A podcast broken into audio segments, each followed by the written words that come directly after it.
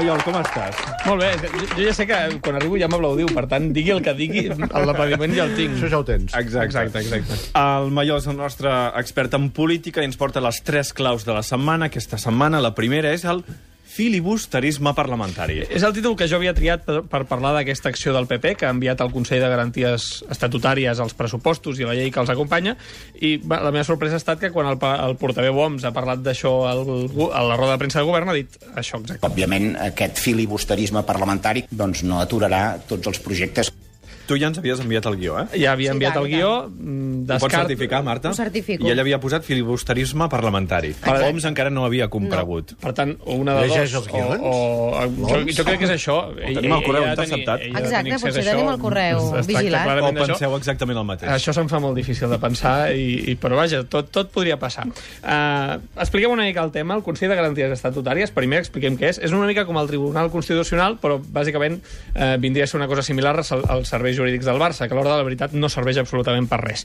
El que fa aquest Consell, que està format per juristes que emeten la seva opinió sobre si una llei s'adequa o no a l'Estatut o a la Constitució, és un dictamen que és no vinculant. Per tant, el president mm, del govern o el partit que, que, que s'encarregui de gestionar-ho després se'l pot passar per on bonament li plagui. No? Uh, quin, quina és l'acció que fa? És a dir, més enllà de tenir una arma política, de que el PP digui escolta'm, uh, aquesta, això que s'ha fet no és constitucional, no és estatutari, si realment li donés la raó, cosa que és poc probable i ara hi entrarem, uh, el que li suposa és enredarir un mes la votació. Demà s'havien de votar els pressupostos, sí. el Consell de Garanties Estatutàries té un mes per decidir i, per tant, doncs, forçosament la votació s'enredareix un mes, passi el que passi, digui el que digui el Consell de Garanties Estatutàries.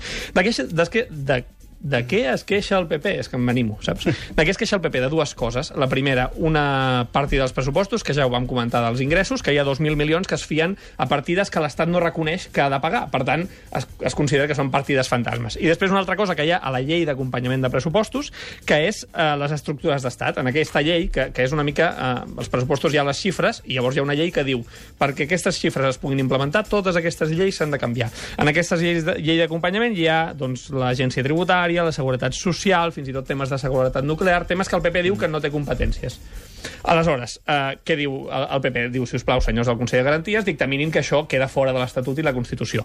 Què farà el Consell de Garanties? Mm, és difícil de saber-ho, però probablement, i tenint en compte que a més va amb majories polítiques i, per tant, que és tan o més previsible com el Tribunal Constitucional, eh, li traurà la raó al PP. Per què es tracta de filibu- filibusterisme parlamentari? El filibusterisme és aquesta tradició nord-americana en el que un... D'embolicar-ho un- tot i anar retardant les exacte, decisions. Un, un, un, un diput... Normalment és espectacular perquè eh, aquí les, dipu... les, les intervencions estan tancades. El sistema nord-americà no sé exactament com va, però un diputat passa hores i hores i hores parlant o llegint textos irrellevants com el llicit telefònic o l'obra completa de Paulo Coelho. No? Eh, aleshores, D'aquí es tracta el filibusterisme. Es tracta d'enredarir un mes perquè d'aquí un mes ens trobarem amb els mateixos pressupostos, amb un dictamen que segurament li donarà eh, la raó al govern o anirà en contra del PP i l'únic que haurem aconseguit és que està un mes més sense pressupostos. I això amb quin objectiu? Què és el que pretén el Partit Popular? És, al final s'acabaran primer, aprovant primer generar la sensació de que hi De ha una desgovern. inestabilitat i de desgovern. Després, eh, les relacions entre Convergència i Esquerra no serien precisament les més bones i, i igual hi ha un càlcul de dir, imagina't que, que tot això s'empitjora fins al punt que, que, que Esquerra eh, no acabés cedint, cosa que no passarà perquè, perquè aquest, precisament el pacte dels pressupostos és el que està més encarat. Eh, és una mica generar aquesta sensació, no?, de que el govern és feble, de que el govern no, no pot governar i de que un any més, i ja en van, diria que 5 o 6, els pressupostos s'han aprovat amb Bye. Segona clau de la setmana, la pesada herència de Mas.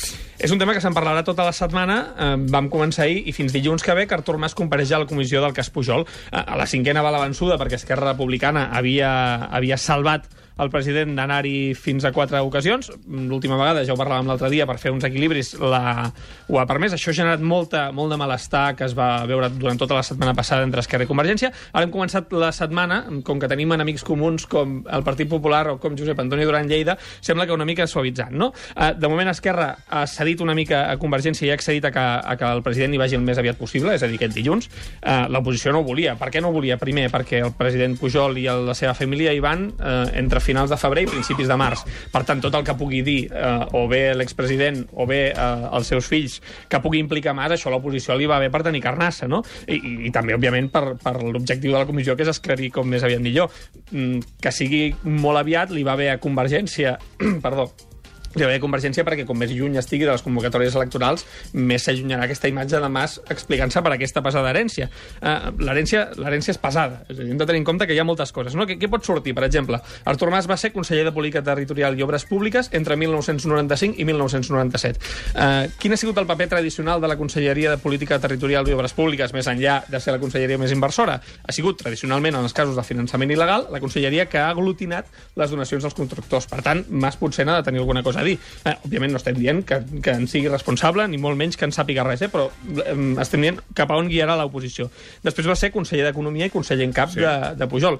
És, és poc improbable, mm, sabent una mica el caràcter que Pujol i família li han donat aquesta herència, que ella en sàpiga res, però mm, segurament s'anirà a fixar en com es feia la gestió del govern, sobretot en el tema de les comissions il·legals, que és una mica el que sempre ha perseguit Convergència, i en quin paper tenia Mas en, en, en tres de les conselleries més importants del govern, al cap i a la fi. No?